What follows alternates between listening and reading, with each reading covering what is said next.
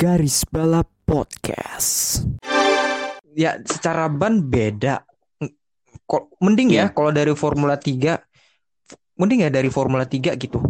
Kalau dari Formula 3 kan dia udah belajar ban Pirelli, terus juga Iya. sasisnya Dallara gitu. Ya, balapan dimulai itu udah nggak ada yang kayak apa sih tertinggal lagi gitu. Hmm, Karena jadi di hmm, tontonnya ke kita balik lagi ke ta- eh, sebelumnya ya, sebelum regulasi ini diberlakukan itu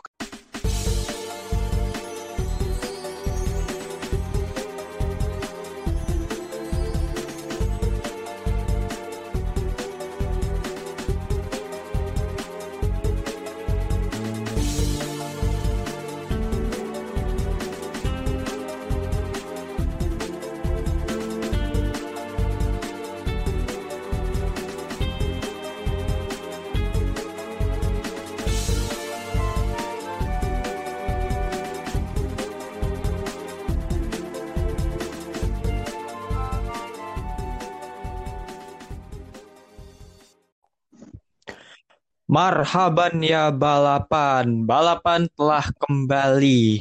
Kembali lagi di garis balap bersama double test driver andalan Anda. Gue bagus. gua Yogo. Dan ak- mantap lah ya. Dan akhirnya bisa record lagi lagi dengan Yogo ya.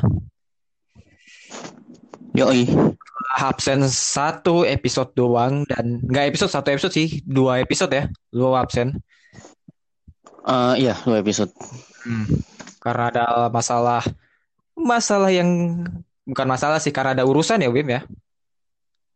Iya, urusan urusan penting lah. Ya sangat penting dan dia tidak mau membeberkannya karena takut jadi sombong, oke? Eh, Anjay. Sombong enggak lah. Oke oke. Dan akhirnya balapan kembali ya setelah berapa empat bulan absen balapan F1. Ke- Setelah kemarin ada balapan Bahrain, balapan F2 dan ada balapan MotoGP. Ya. Dan seperti yang kita tahu lah, seperti yang pernah kita inilah apa bahas pada bulan Maret, eh pada beberapa episode yang lalu, bahwa bulan Maret ini ya bulan yang sangat sibuk sih. Gak hanya F1, Iya, eh, betul. gak hanya F1, MotoGP, balap-balapan lain lah itu Maret ke Maret ke depannya udah sangat sibuk.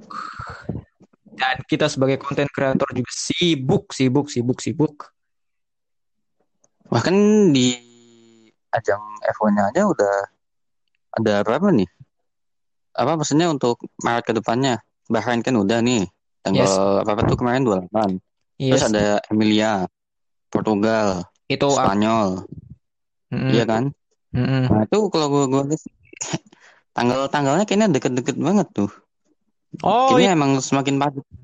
iya benar, Apa Maret-Maret ke inian nih. iya benar-benar dan di balapan di San Marino, Imola sama tiga atau empat balapan ke depan ya kita Iya, betul. bulan puasa kita ditemani oleh balapan F1 dan balapan lain ya. Betul. Betul, betul. Makin makin nggak sabar sih menghadapi bulan puasa yang sedikit lagi tinggal hitung minggu ya. Tanggal 13 atau 14 ya? Bukan itu, lupa deh gua tuh. Ya setahu gue sih tanggal 11 sih. 13 April atau Tanggal 11. Berapa? Seta- kalau gue hitung-hitung ya berdasarkan eh, bulan eh bu- bulan lagi berdasarkan lebaran yang tanggal 11 sama 12 Mei, gua rasa tanggal? 11 atau tanggal 12 sih. Tanggal 11 12 April. 12 ya? Ya tanggal 12 Oh, lah harusnya sih. April. Ya kita nggak tahu sih. Hmm, Tapi ya akhirnya ya tinggal menghitung berapa minggu lagi nggak sabar gitu Iya, balapan iya, iya. setelah tahun lalu kita nggak ditemani balapan pada saat bulan puasa benar-benar apa benar-benar apa ya hampa aja sih Iya, soalnya kan tahun lalu kan masih apa ya, pandemi kan masih ada di puncak-puncaknya kan. iya Apalagi vaksin juga belum ada kan waktu kemarin tahun Iya, lalu. betul sekali dan juga nggak sekendor sekarang juga sih dan Iya. dan itu awal-awalnya Walaupun ya sekarang ya dibilang kendor ya enggak juga sih. Sekarang kan muncul varian baru terus apa lagi lah. tapi Cuman kalau dibanding waktu itu, tahun kemarin ya kayak apa ya? Agak kondusif lah. Iya lebih lebih bisa diatur ya meskipun nggak bisa diatur juga sih kayak Iya. lebih ke apa sih kita lebih bisa biasakan diri dengan pandemi seperti ini ya meskipun betul. terkadang salah sih untuk tetap menggelar balapan pertandingan bola tapi ya at- ya atlet-atlet ini mau cari duit di mana gitu kan jadi akhirnya ya udah terpaksa tetap digelar gitu show must go on gitu meskipun Hmm. ya tet- meskipun digelar nggak digelar tetap rugi tapi ya lebih baik digelar gitu daripada nggak digelar sama sekali gitu betul kan Iya, iya. mau nggak mau ya Betul, betul. oke dan Betul. kita sudah disuguhkan dengan beberapa balapan yang pertama ada MotoGP di GP Qatar Maverick Vinales kemarin menang ya GP Qatar. Maverick Vinales, Vinal- ya. Vinales peringkat dua siapa lagi tuh si Bagnaia ya Baknanya bukan eh baknanya bukannya tiga eh dua atau tiga ya? kedua Zarko Lupa. Zarko ya Zarko ya Zarko apa Bagnaia gitu pokoknya dua Ducati aja dan Joan Mir kecol Iya. Joan Mir kecolongan ya di lap lap tra- di lap terakhir Iya John Mir bingung tuh, tuh kenapa bisa kecolongan ya. peringkat Padahal empat dia dari awal Iya. betul dan wah itu benar-benar ya well musim MotoGP ini pastinya akan sangat sulit ditebak tanpa Marquez. Dan Iya, terus meskipun ya wish wish all the best untuk Mark Marquez yang cederanya belum sembuh juga ya. Semoga saja bisa kembali Iya, ke balapan. Ya pastinya ini cederanya nggak sangat tidak diinginkan oleh pembalap mana pun ya. Get well Iya, soon betul. Mark. Terus juga kemarin ada balapan Formula 1 akhirnya ronde pertama ronde pertama Iya, di Bahrain Grand Prix dimenangkan oleh Lewis Hamilton dengan sangat ketat dari apa ya Hamilton Verstappen tuh salip-salipan tuh gue lihat. luar biasa Terus juga banyak banget insiden loh di GP Bahrain kemarin. Ya, Iya enggak? banyak insiden kayaknya sih nggak juga sih kayak lebih ke banyak apa sih Enggak, kayak Sergio Perez. Sergio Perez itu mobilnya kenapa tuh? Stuck. Stuck di mana tuh? Di start lap berapa ya gue lihat tuh? Nggak di lap berapa itu Ah. pas lagi di lap lap formasi Iya. pas lagi menuju grid itu hingga akhirnya Iya. formasi formation lapnya diulang lagi ke gara Sergio Perez Iya. tapi akhirnya bisa lanjut dan bisa naik ke meraih poin posisi 6 posisi 5 kalau nggak salah Masih lima ya. bisa recover Terus Gasly itu kenapa tuh? Gasly nabrak Gasly nabrak. Gasly nabrak Ricciardo Hmm. yang mengakibatkan sayap depan Gasly rusak dan akhirnya kayak sih udah kerusakannya udah merembet ke mana-mana jadinya dia tidak bisa perform dari posisi belakang dan akhirnya stuck di belakang terus Iya. dan Kasihan. dua rookie sempet sempet ada insiden Nikita Mazepin dan Mick Schumacher Maz- si Mick Schumacher melintir tapi masih sempat apa sih namanya masih sempat melanjutkan balapan sementara Nikita Mazepin tidak bisa karena udah kerusakan cukup Iya. berat Di lap keberapa tuh ya? lap pertama tuh. lap yang Mazepin lap pertama pertama ya. belum sampai tikungan 4 udah tabrakan dulu udah udah ng- ngalamin insiden duluan gitu ya Iya. masih rookie wajar lah terus juga balapan kemarin juga cukup seru ya lumayan seru gua Iya. gua yang melihat dibuat deg-degan.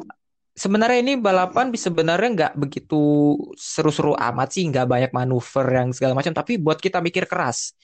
Karena eh, beberapa strategi yang dilakukan oleh Red Bull maupun Mercedes entah dari pihak Hamilton Verstappen itu benar-benar membuat kita berpikir apa apa yang apa respon dari tim Red Bull ataupun Mercedes selanjutnya? Dan sebenarnya sih Hamilton nih cukup struggle sih dalam beberapa lap terakhir itu. Hingga akhirnya ya pas Verstappen nyalip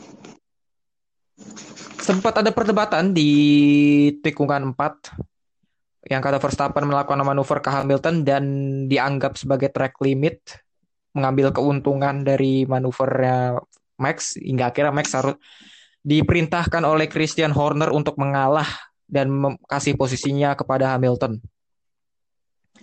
Dan Iya. Tapi Hamilton sama si Max kayaknya gue lihat itu tuh seru tuh. Kayaknya cukup seru sih untuk persaingan gelar Kenapa? juara dunia musim ini kayak seru sih. Enggak si Max kan kemarin kan sempat di posisi pertama tuh. Hamilton iya. di kedua. Iya. Iya kan? Iya. Terus pas finish Hamilton malah yang pertama. Si Max kedua. Iya, kalau kalau emang cuma dilihat dari live score emang kelihatan ya Hamilton lagi. Ya, podiumnya Max Verstappen sama Bottas lagi. Tapi kalau lu lihat balapan satu jam lebihnya itu cukup seru pak cukup yeah. bikin pusing jujur aja gue gue yeah. ininya pusing pak jujur aja benar-benar gue harus istirahat dan di lap terakhirnya yang bikin deg-degan sih bikin jantungan juga iya yeah. betul dan ya well well rest lah untuk ronde pertama tidak se tidak seperti ronde-ronde pertama sebelumnya kecuali di Austria kemarin yang juga cukup seru tapi di Bahrain ini juga cukup seru lah lumayan lah Gue mungkin hmm, kasih betul, nilai betul. B plus lah untuk balapan ini mah. B plus, ya. Yeah. Iya. Terus juga, dan akhirnya selamat lah untuk Hamilton. Dan gue berharap Hamilton bisa juara lah musim ini. Meskipun gue bukan yeah, fansnya ya. Berarti kalau dia juara ngalahin ekor kemenangannya Sukumi dong. Bisa saja. Gelar juara dunianya Sukumi dipatahkan. Iya kan? Bisa saja. Bisa saja. Hmm. Anything can happen in F1 dan F1 ini bukan matematika gitu. Yeah. Iya. Uh, bahwa Michael Schumacher meraih gelar juara dunia ke-7 lalu musim berikutnya menurun tidak bisa dijadikan patokan bahwa Lewis Hamilton gelar juara dunia ke-7 terus dia anjlok.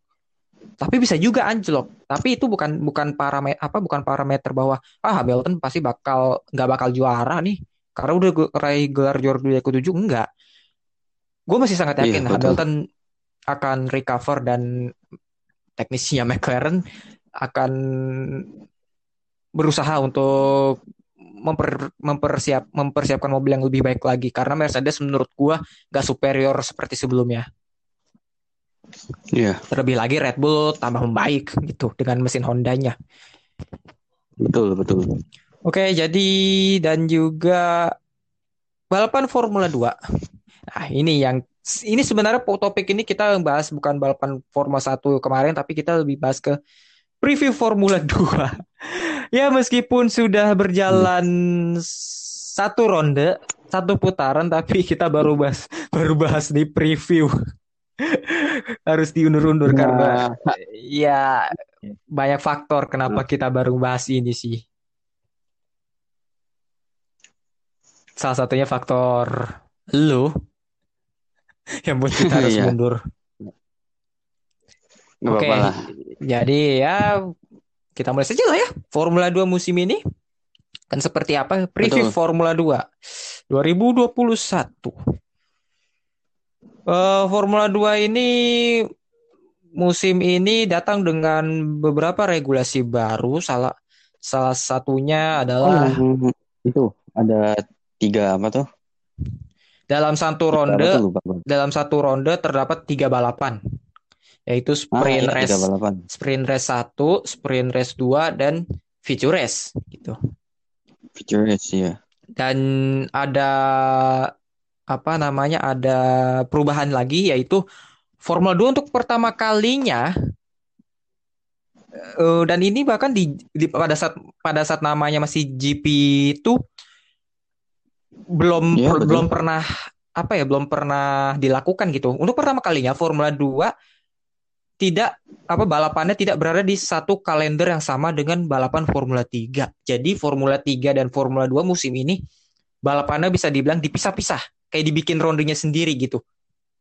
Tapi yeah. tetap tetap pada weekend Formula 1 gitu. Tetap pada tetap pada weekend yang sama dengan Formula 1 meskipun Formula 2 dan Formula 3 yeah. ini pisah-pisah ya nggak dalam satu ronde yeah. lagi hmm. tapi tetap yeah. sama dalam satu weekend yang sama dan di iya. tempat yang sama dengan kalender Formula 1 terus dan garis balap waktu itu sempat ini ya, sempat apa sih namanya? Sempat kita sempat apa ngasih eh, ngepost materi soal format baru akhir pekan Formula 2 musim ini.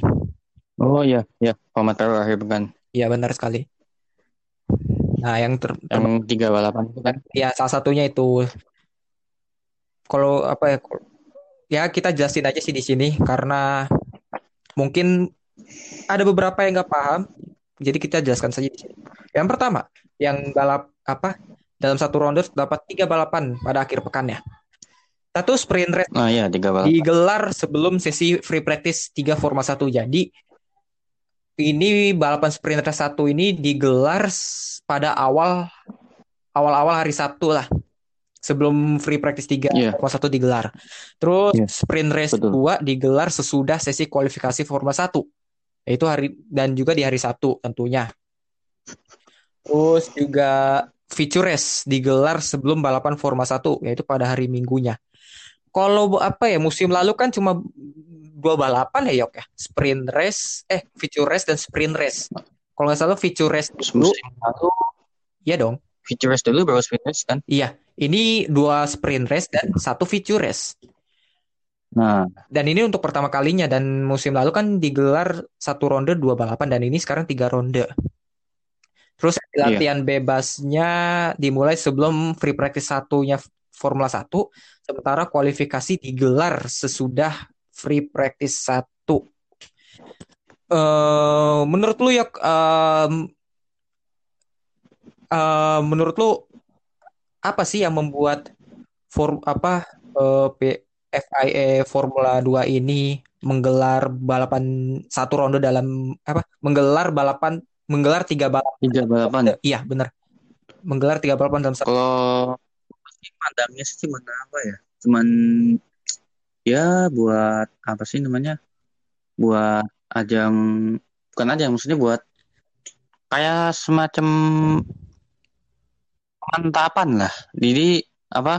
Untuk memantapkan si pebalap ini mungkin dari segi mekaniknya atau dari segi apanya tuh mesinnya juga, dari segi mental terutama Hmm. Terus juga apa kalau misalnya ada yang kurang-kurang, jadi supaya pada saat nanti hari uh, hari hanya balapan dimulai, itu udah nggak ada yang kayak apa sih tertinggal lagi gitu. Hmm, Karena jadi di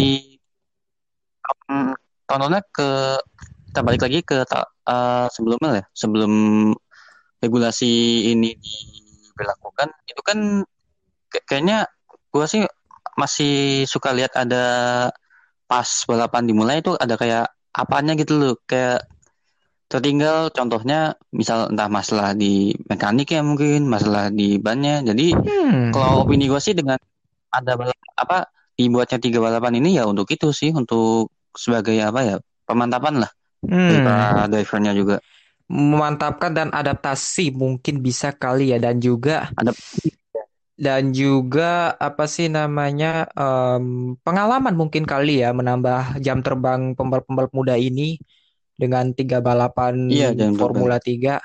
Sebenarnya tiga balapan ini apalagi tidak kan sorry, sebenarnya kan tiga balapan ini tidak tidak diter apa tidak hanya diterapkan oleh Formula 2, Formula 3 juga diterapkan gitu. Tapi kan Formula 3 belum mulai. Sementara ini kan baru Formula 2 dulu. lain Nah, iya. iya Untuk jadi intinya lu apa ya untuk memantapkan dan kayak apa sih menambah pengalaman jam terbang pembalap pengalaman ini. pengalaman juga sih Ya, mungkin gua menambahkan sedikit mungkin kali ya selain yang yoga tadi sampaikan ya. Sebenarnya benar-benar banget. Cuma ke gua hanya menambahkan bahwa mungkin dalam sisi entertainment, dalam sisi menghibur, entertainment tuh gimana tuh maksudnya tuh dalam sisi menghibur, menghibur yang menonton ya. Kan kita semua tahu lah oh bahwa menghibur Formula 2 ini kalau kata fans-fans F1 nih jauh lebih seru daripada Formula 1 itu sendiri karena mobilnya sama, ban yang digunakan sama dan juga apa ya equal lah pokoknya. Mesinnya juga sama, equal equal. engine, equal hmm. car. Ya. Dan itu menambah sisi persaingan dari Formula 2 itu sendiri. Dan ya itu ya. menurut gue sih feel- feeling gue dengan tiga dengan ada tiga balapan ini ini dalam sisi entertainment uh, apa yang menontonnya cukup excited gitu dengan wah siapa nih pembalap yang akan istilahnya yang berbakat yang akan sangat stand out pada musim iya, ini iya. yang akan betul, betul. jadi bibit mudanya Formula 1 musim depan gitu misal ya. Iya. Mm. Gue sih ngeliatnya gitu dan itu terbukti loh dengan um, balapan di Bahrain kemarin yang dimenangkan oleh um, sprint race 1 dimenangkan oleh Liam Lawson sprint race 2 Oscar Piastri dan sprint race 3 eh sorry bukan sprint race 3 feature race feature race. Feature race dimenangkan oleh Guan Yuzo. Ketiga balapannya cukup cukup gue gue melihatnya cukup entertainment gitu loh. Cukup menghibur dan dari segi salibnya dari segi apa ber, ber, apa bakat dari beberapa pembalap ini dan ya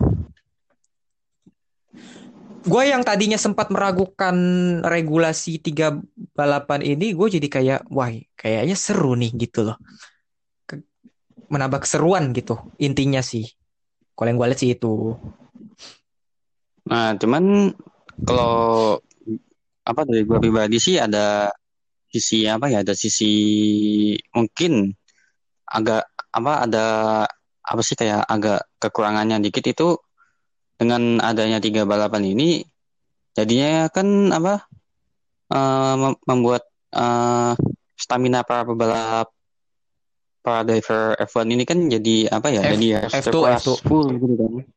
Eh, F2 sorry sorry sorry F2 jadi kan stamina apa pebalap F2 ini kan harus dengan ada tiga balapan ini kan harus apa ya terkuras full gitu loh Hmm, sebenarnya sih Kelas dalam sebenarnya sih di karir junior mereka pada saat apa menimba ilmu di Formula 4 dan Formula regional atau apa pun itu namanya sebelum kasta ya sebelum Formula 2 mereka sudah digenjot dengan tiga balapan dalam satu ronde sebenarnya ya.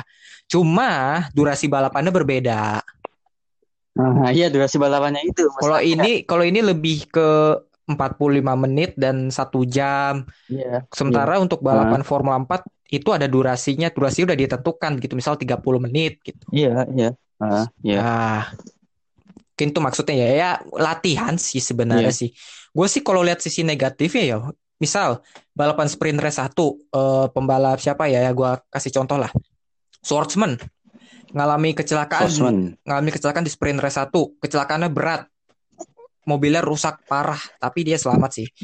Kerusakan parah yeah. pada mobilnya.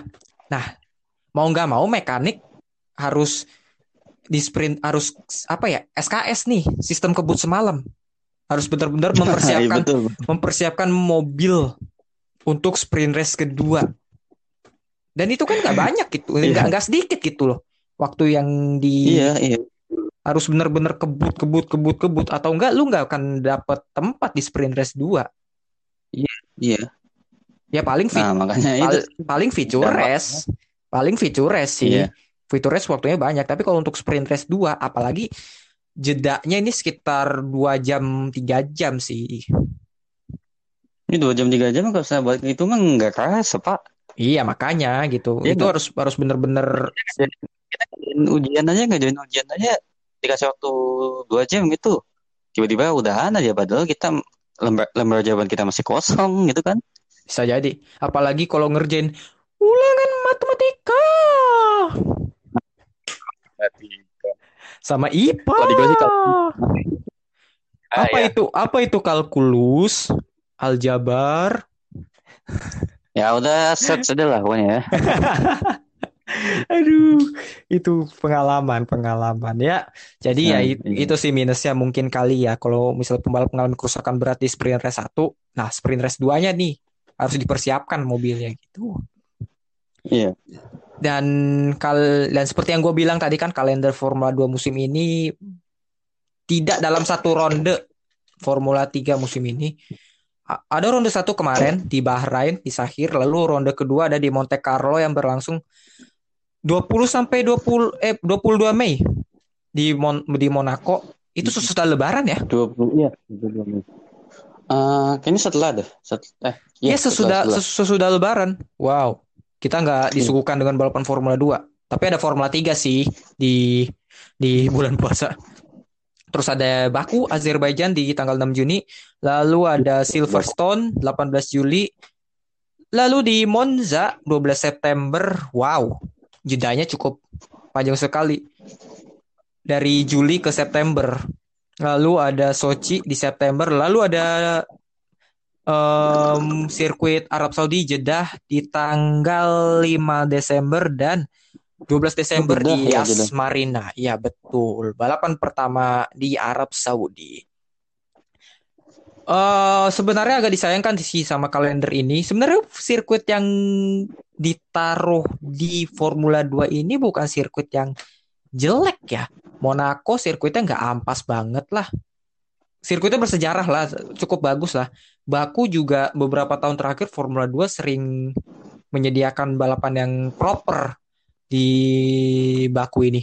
Terus Silverstone lumayan, Monza oke, Monza juga akan Monza akan cukup seru dan Sochi, tapi Sochi nggak begitu lah ya. Dan ya sisanya Sochi begitulah.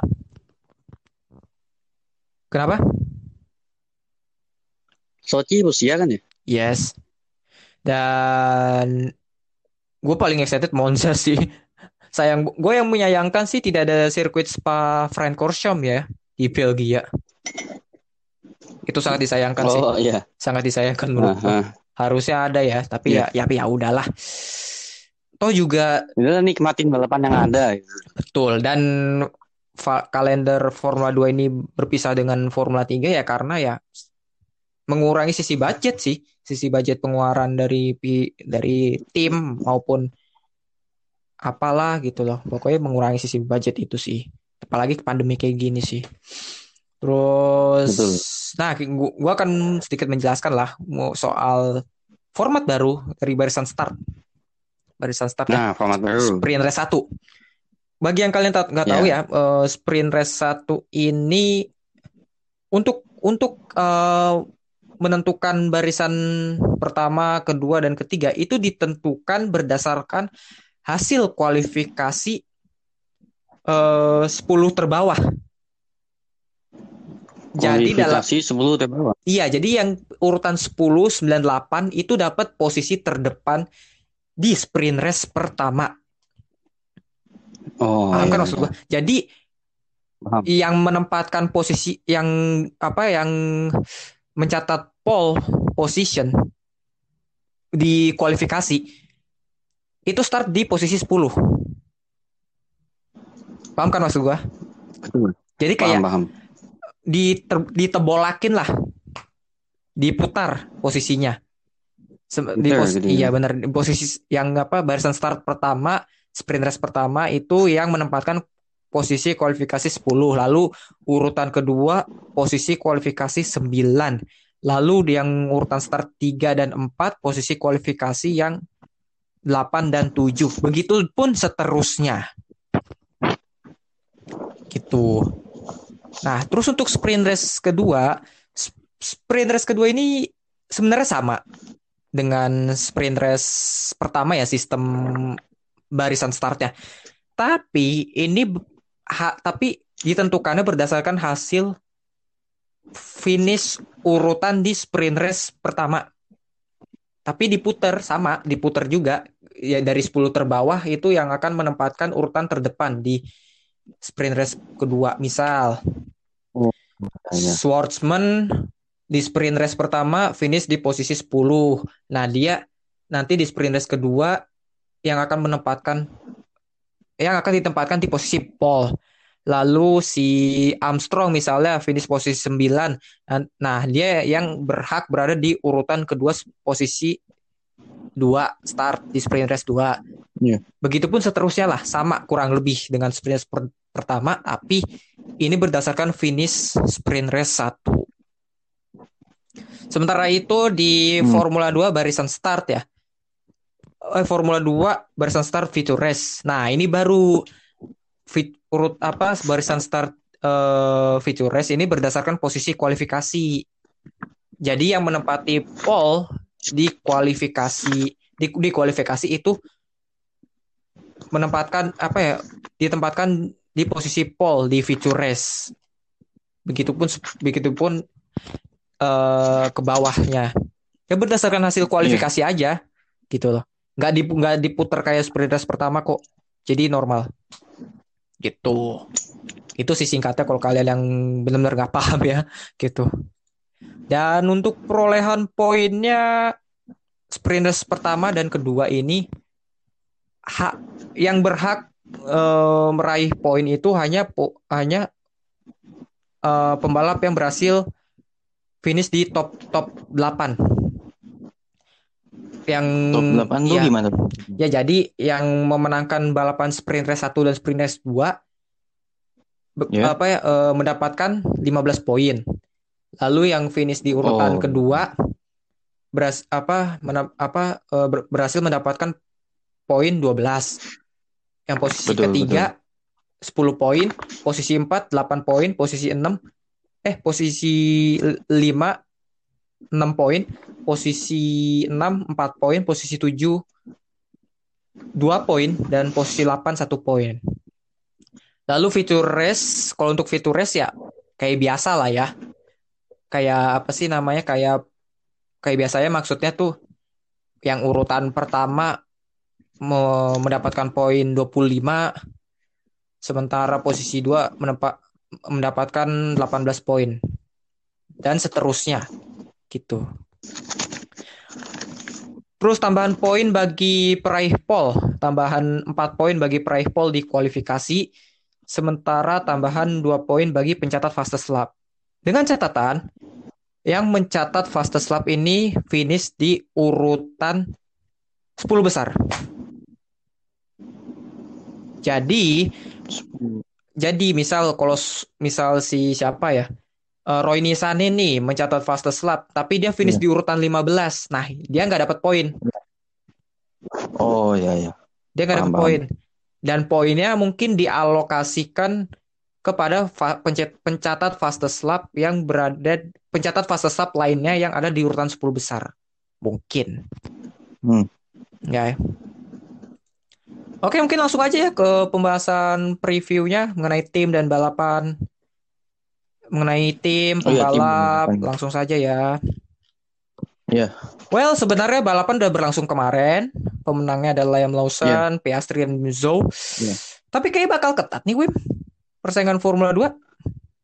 Dengan pembalap yang ada gitu, persaingan akan cukup ketat dan cukup equal gue melihat ya. Kualitas pembalapnya. Dari 5 sampai 6 besar timnya memiliki pembalap yang bilang cukup bagus. Menurut lu gimana persaingan Formula 2 musim ini? Sulit diprediksi kah? Atau Sulit, gimana? agak sulit diprediksi. Kalau buat musim ini sulit diprediksi apa ya? Soalnya eh, dari, dari tim juga Hmm. terus dari apa lagi ya? Ap- Apalagi kan kalau kita lihat apa kayak di mana tuh di Prema contohnya ada Mm-mm. ada Piastri Ya, terus di Universitas ada Guan Yu Zhou ada Dugovic nah itu kan pebalap-pebalap yang apa ya bukan kaleng-kaleng. kalau i- di kelas Formula 2 tuh udah kelas atas semua lah Hmm. Piastri ini formu apa juara Formula 3 musim lalu terutama dan timnya langsung prema gitu. Itu yang buat apa sih namanya cukup sulit diprediksi ya. Ya, ternyata kita kehilangan koneksi dari Yogo. Ya, jadi seperti yang gua akan teruskan lagi, ya seperti yang Yogo bilang bahwa musim ini akan sulit diprediksi dan gue setuju. Halo, halo. halo halo eh Suara lu putus tadi, Pak. Terus ya Ya udah lanjut, lanjut, lanjut, lanjut, lanjut. ya ya ah. Hmm. Gimana, gimana, gimana? Carlin, High Tech, Iya, iya. ERT. terus ada apa lagi abis itu kampus kampus belum lagi kampus tapi kampus hmm, Ah, gue nggak yakin kampus ah. Iya. Bosung Bu- ya Bosong menurut gua gua nggak ngerti kenapa dia kembali lagi ya. Petekov, ah, Petekov gimana nih menurut lo? Menurut gua Gianluca Petekov cukup pembalap bagus, cuma menurut gua nekat. Nekatnya dalam arti Nekat ya? nekat dalam arti dari posisi dari apa ya? Musim lalu dia juara Formula regional Iya. yang apa sih namanya yang yang apa sih namanya yang secara dari mobil dan ban sangat jauh dari Formula 2 Iya. itu langsung loncat ke Formula 2 menurut gua nekat aja sih ini anak Langsung dari regional ke Formula 2.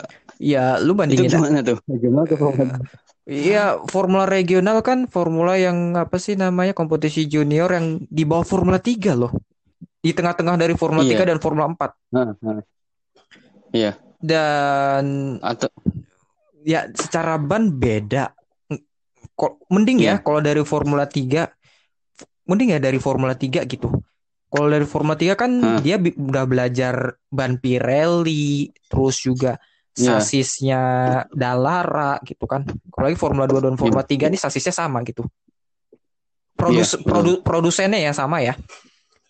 Tapi Iya. ya cukup nekat sih. Ya nggak tahu ya. Katanya sih Petekov langsung loncat ke Formula 2 karena dia nggak ada duit untuk ke Formula 3. Dan juga karena di depan langsung loncat ke Formula 2 gak, gak ada duit ke Formula 3. katanya sih karena dia di Depak dari Ferrari Driver Academy karena emang ya dia nggak ada duit. Tapi tahu-tahu kok langsung ke Formula Oh. 2 gitu. Ngerti gak? Iya, iya. Itu yang anehnya Betul, sih. betul, betul.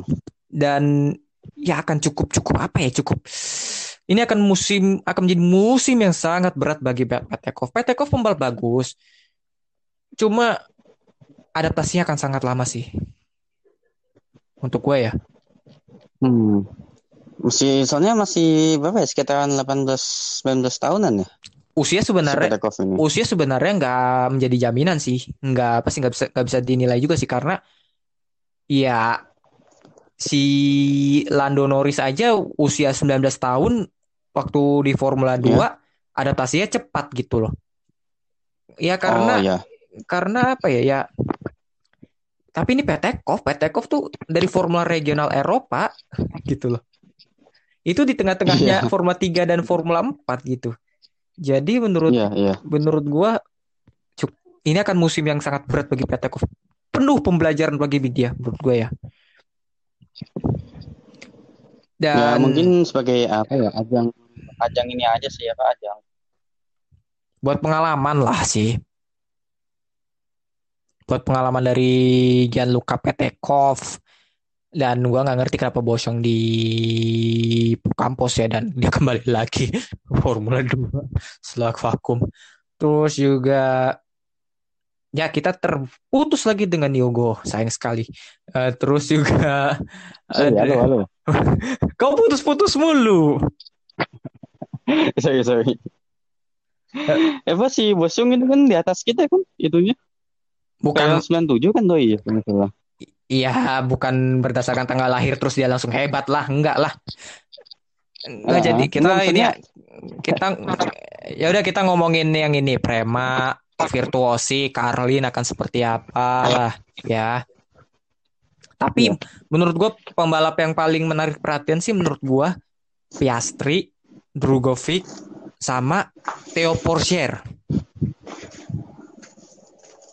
Piasti, Dugovic. Porcher.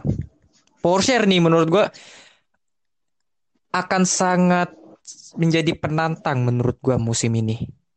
Karena berdasarkan dari balapan di Bahrain kemarin dia cukup bisa melawan gitu loh. Padahal usia baru berapa? 17 tahun. 12 tahun. He's he's 17 years old and he drive a Formula 2 like a like a apa ya? Seperti dia udah mengendarai mobil Formula 2 teng- dengan lama gitu. And he's he's good enough gitu. Iya. Menurut gua ya. Theo Porcher 17 18 tahun lah. Oh, salah satu pembalap termuda di F2.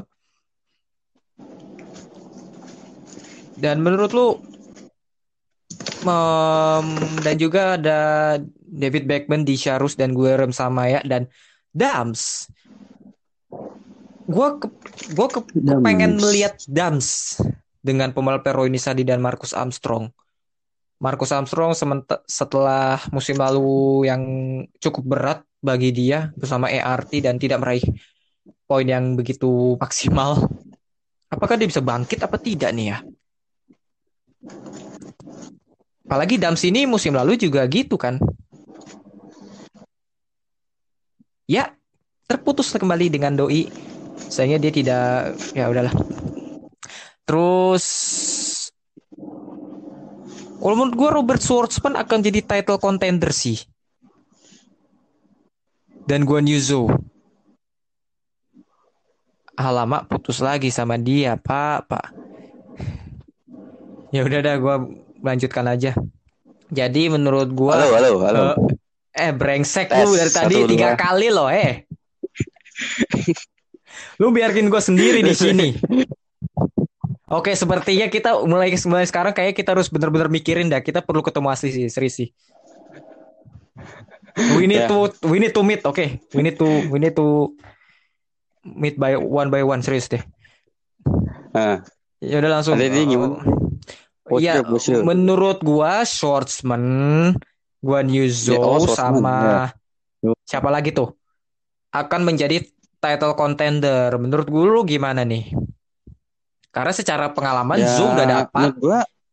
Dan Swordsman ini udah saatnya menurut gua. Saatnya apa nih? Saatnya untuk juara, juara dunia. Ya jadi title contender. Iya. Kalau menurut gua pribadi si Swordsman ini eh tunggu deh Mungkin ya, M uh, mungkin gak sih kalau si Schwarzman misal misal nih ya, misal musim Kepreset. ini nih, musim ya bukan bukan bukan bukan musim ini dia katakan nih berhasil ada di posisi maksudnya juara dua gitu ya. Nah mungkin nggak untuk di musim selanjutnya dia bisa ada peluang untuk ke Formula 1, Formula One. Sangat, sangat bisa. Sangat ya. Apalagi kursi Alfa Romeo ini sedang apa ya tidak tidak nentu sih. Terlebih lagi Kimi Raikkonen usianya sudah cukup tua dan bukan gak mungkin ini, ini akan menjadi musim terakhir Kimi dan Antonio Giovinazzi yeah. yang penampilan yang gitu-gitu aja. Bukan tidak mungkin akan terdepak gitu dan tempatnya akan digantikan sama Schwartzman bukan nggak mungkin Terlebih lagi secara sponsor juga kayak Swordsman cukup memadai gitu loh. Dia di, nah, di terus untuk tim nih, untuk tim nih. Kira-kira hmm. Tim apa nih yang akan dia apa tuh? Yang akan dia Alfa lah. akan di Alfa Romeo lah. Alfa Romeo. Iyalah. Nggak maksudnya selanjutnya gitu misal ada Sorry, sorry, sorry. gue potong, gue potong, gue potong. Uh. Uh, Alfa Romeo dengan catatan Alfa Romeo mau melanjutkan partnershipnya dengan Ferrari sebagai pemasok mesin. Oh iya betul. Nah kalau Alfa Romeo nggak mau lanjutin, nah itu tuh pertanyaan gue maksudnya. Nah tapi kayak sih feeling gue sih bakal tetap lanjut sih. Ya soalnya udah tem kalau apa ya ada rumor sih bahwa kan Alfa Romeo ini kan tadinya namanya Sauber kan dan masih dimiliki oleh ya, tim Sauber juga. Uh, dan juga apa ya menurut gua sih ada ada bahkan ada rumor loh Alfa Romeo ini akan istilahnya akan ganti gitu dengan mesin Mercedes gitu. Tapi feeling gua sih tetap akan lanjut sih dengan Ferrari. Lanjutnya. Secara pembalap Ferrari pembalap Ferrari Driver Academy ini sangat banyak. Iya. Dan yeah. ya Ferrari butuh tim partner juga untuk mengembangkan mesin mereka gitu. Gak hanya dari As. Hmm. Gitu menurut gua. Jadi kemungkinan ya Robert Schwarzman dia di Alfa Romeo sih. Gak mungkin ke Haas lah. Ya kali dia mau jadi partnernya Nikita Mazepin. Gak mungkin. Secara Haas ini sedang diakuisisi sama ayahnya Mazepin yang juga pemilik dari eh kilang minyak di Rusia namanya Ural Kali. Sementara Robert Iya. Schwarzman ini disponsori apa digandeng oleh sponsor kilang minyak juga pesaingnya Ural Kali yaitu G-Drive. G-Drive ini yang punya Gazprom. Pesaingnya Ural Kali. Ya kali gitu loh maksud gua. Dengan dua pembalap Rusia di Haas apa itu perang dingin gitu loh. Terlebih lagi Schwarzman ini sama sama Mazepin ini ya gitu dah. Iya iya iya paham paham. Nah, makanya menurut gue sih Alfa Romeo 100%. 100% Alfa Romeo tetap- Alfa Romeo. Alfa Romeo. Iya. Hmm. Atau paling paling pahitnya sih jadi test drivernya Alfa sih atau test drivernya Ferrari. Tapi kayaknya enggak sih. Tapi Callum Islet yang saat ini sedang tidak dapat kursi di Formula 1 pastinya juga kepengen dong ke Alfa Romeo. Bisa jadi dia akan ditandemkan sama Callum Callum Islet di Alfa Romeo bisa aja. Hmm, nggak menurut kemungkinan sih ya. Iya benar. Dan dan rekan setimnya Oscar Piastri juga sangat berpeluang untuk bisa memenangkan juara Formula 2 di musim debutnya gitu loh. Terlebih lagi Betul, di Prema. Nah, Nah, bagi Prema kan bukan tim kaleng-kaleng kan. ya iya, Hmm. tidak tidak menjadi kaleng-kaleng sejak Mas SG cabut. Ya betul Mas SG. Iya. Iya, bukan jadi kaleng-kaleng. Mas SG masih di situ eh, Saya tidak mau komentar. Nanti diserang para SJW. Sarjana Wibu. SJW Sarjana Wibu. ya jadi menurut gua gua new, ya menurut gua tapi Piastri menurut gua sih ya kalau Piastri misalnya juara dunia Formula 2 ya dia mau ke mana? Ke Alpine. Kayak sih nggak mungkin juga sih. Langsung dipromosikan terlebih lagi ada Guan Yu Zhou yang sangat Betul, menginginkan title contender eh men- menginginkan title Formula 2 musim ini Betul. dan he is Tapi- one of the Ih, apa ya? Ya, hi- dan juga Guan Yu Zhou nih salah satu pembalap yang berpengalaman, Wim. Gitu. Betul betul pengalaman. Hmm. Tadi lu mau apa? Tapi kalau kita lihat dari segi tim nih, di, di mana ada apa? Kayak Adams, terus Campos, Hmm. kayak terus Tiden. Hmm. Itu kayaknya kalau kita tebak siapa yang bakal jadi juara, kayaknya bakal susah juga sih ketebak gitu nggak? secara kualitas pembalap cukup equal sih musim ini ya. Iya, equal. Rata gitu. Rata, cukup rata. Nggak kayak musim lalu Iya. ya agak-agak jomplang gitu. Tapi sekarang cukup rata. Tapi kalau kualitas pembalapnya sama tapi tidak disertai dengan settingan mobil yang benar ya apa gunanya gitu loh kan.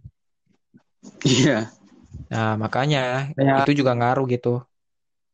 Dan juga nggak bisa diprediksi, nggak bisa diprediksi dalam arti ini dengan format baru tiga balapan dalam satu ronde itu butuh adaptasi juga buat para pembalap juga nih. iya, iya. Hmm. Nah, kalau- Gitu. tapi kalau kayak tim yang uh, contohnya MP Motorsport di yang itu sama Verster sama Zendelli. Nah, itu menurut Hmm. lu itu gimana tuh? For sure Peluangnya ya, untuk dia. menurut gua top 10 bisa. Zendelli demikian. Dua-duanya rookie kan ini? Ah, enggak maksudnya apakah uh, Peluang ke prediksi F1. untuk Iya, peluang ke F1-nya. Atau masih mungkin Hmm. Belum butuh lah. Belum lah. dua atau tiga tahun lagi? Belum lah, belum. Belum ya? ini dan Reversor ini butuh adaptasi lah, sama kayak Schwartzman dan Zhou, Rudan Drugovic dan Mick Schumacher itu butuh adaptasi. This this two, two drivers is a good, is a good driver. It's a it's a good driver, Oh, tapi iya. Hmm. butuh adaptasi juga. Tapi Iya. secara melihat mereka di Sahir kemarin cukup bagus lah penampilan mereka. Lumayan ya. Iya, betul sekali. Ada satu lagi pembalap yang menurut gue sangat menarik minat perhatian gue. Siapa tuh? Lord Deleda. Alessio Deleda. Menariknya adalah seberapa banyak dia akan finish di urutan terakhir. ya, eh berapa banyak dia akan finish di tanda akhir ya. Ya, you know lah di Formula 3 tahun lalu gimana. Ya, ya, ya. Nah, udah ya, udah itu aja. Gue cuma bilang itu aja. Ya, ya, ya. Terus juga apa di ini di balapan musim ini kok dari tadi gue itu gak ada nama Gunatan ya? Mana tuh Hmm, orangnya? ke mana tuh orang? Ada di Iya, ada di diri Deleda barangkali.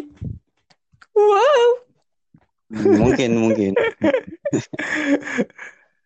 Kata kasukan ini kasukan Gunatan ya. ya satu sebelas dua belas. 11 12. Ya seperti yang ya tahu sendiri lah. Money apa ya? Money can talk untuk Deleda gitu. Dengan hanya bayar duit, Hmm. Anda bisa promosi ke Formula 2 dan sponsornya banyak. Iya, iya. Ya gitulah pokoknya lah ya. Terus juga Iya. dan juga ada Samaya yang masih bertahan di Formula 2. Tapi Samaya tahun apa ya balapan kemarin not bad sih. Bisa berada di eh bahkan dia meraih eh nggak meraih poin sih, tapi well peringkat 11 kemarin sih cukup apa ya membuktikan bahwa pembalap ini kayaknya bisa sih. Cuma kita nggak tahu Bisa. sih lihat lihat ke depan sih Samaya akan seperti apa. Aku nggak mau menilai juga gitu. Oh iya, itu sama ini Fischal. Ben Fischal. Katanya Ben Fiskal cuma satu balapan di Bahrain, di Bahrain doang. Cuma satu ronde doang. Iya, nah tuh hmm, hmm. Soalnya Trident belum nentuin satu lagi pembalapnya siapa. Ben Fiskal nih dalam arti cuma pembalap dadakan sih. Soalnya dia di Formula apa balapan di Formula 3 juga kalau nggak salah musim ini sama kayak Matteo Nannini. Hmm. Tapi Mate, tapi Matteo Nannini full full season sih. Tapi dia akan Matteo Nannini akan membalap di dua balapan berbeda, di dua dua ajang berbeda yaitu Formula 2 dan Formula 3. Ya bakal capek sih Matteo Nannini.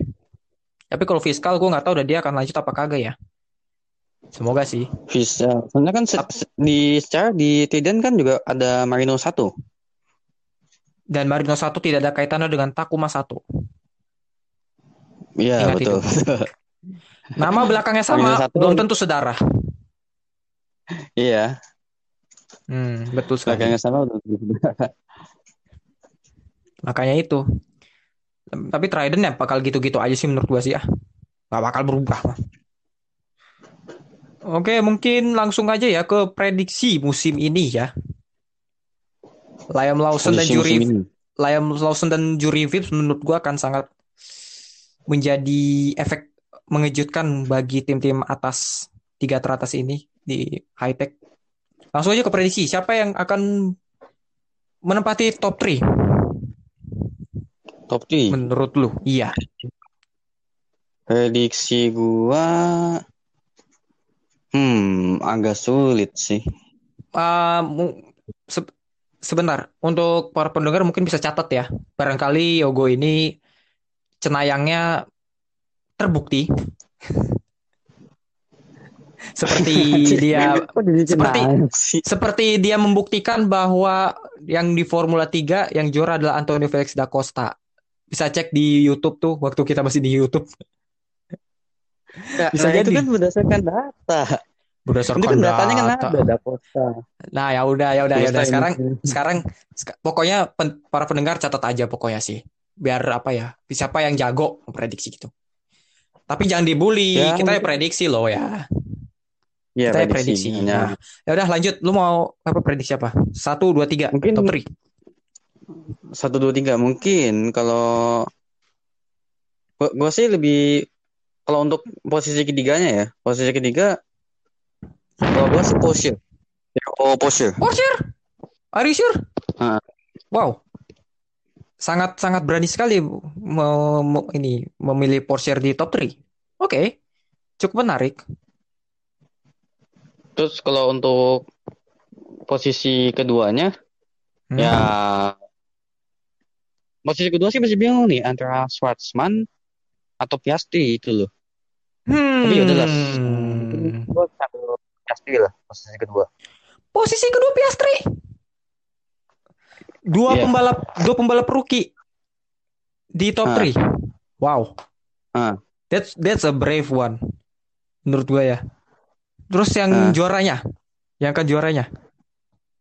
Juara, nah ini ini juara antara Schwartzman atau Armstrong. Gue pilih siapa ya? Schwartzman atau Armstrong? Itu Schwartzman dah, Schwartzman. Walaupun sebenarnya Oh. gue pilih Armstrong, tapi ya lo Schwartzman lah. Schwartzman gue pilih di posisi satu. Hmm, oke menarik sekali sih.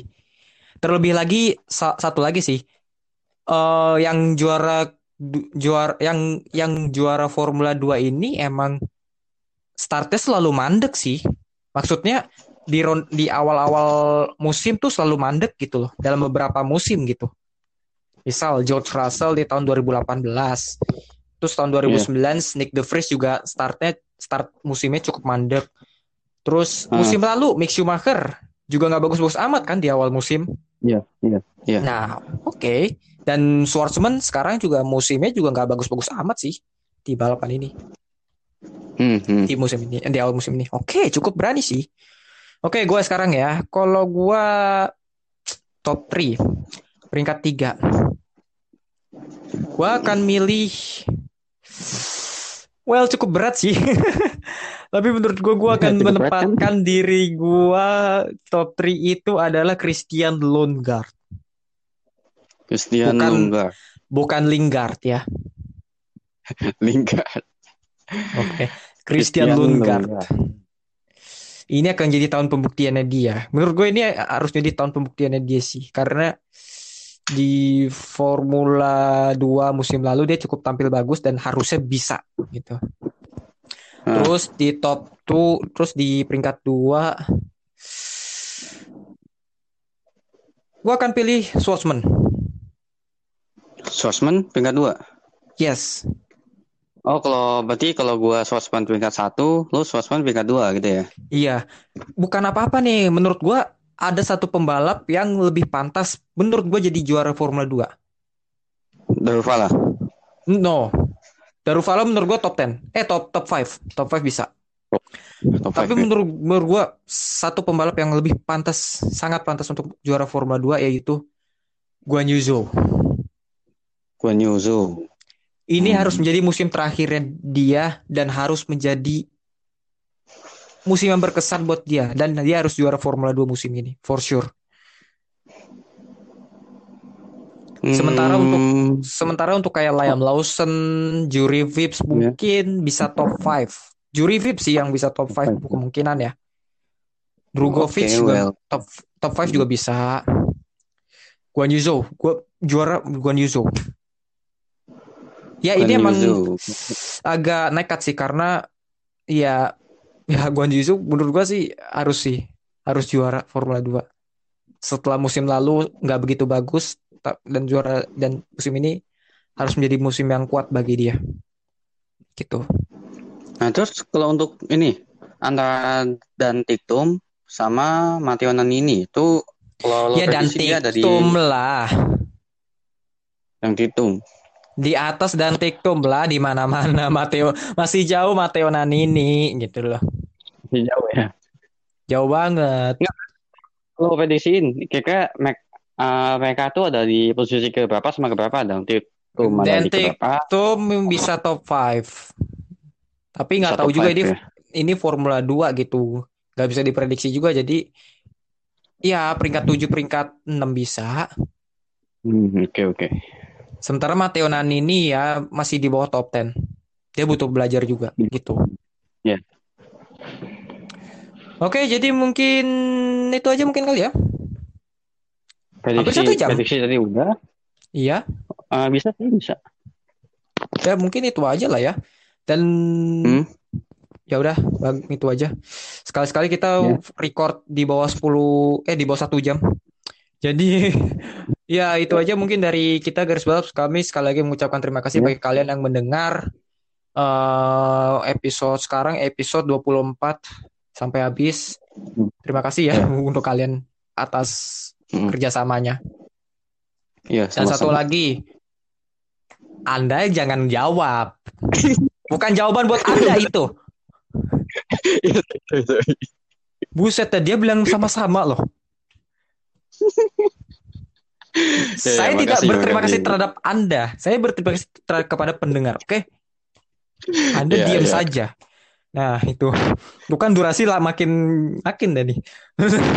ya, itu aja mungkin dari kita ya garis balap. Follow Twitter, Iya. Instagram dan YouTube dan Spotify kita garis balap nanti langsung muncul kok dengan sendirinya, oke? Itu aja mungkin dari oke. gua, gua bagus. Gue Yogo. Sampai jumpa di episode garis balap berikutnya. Marhaban ya balapan. Salam motorsport Indonesia.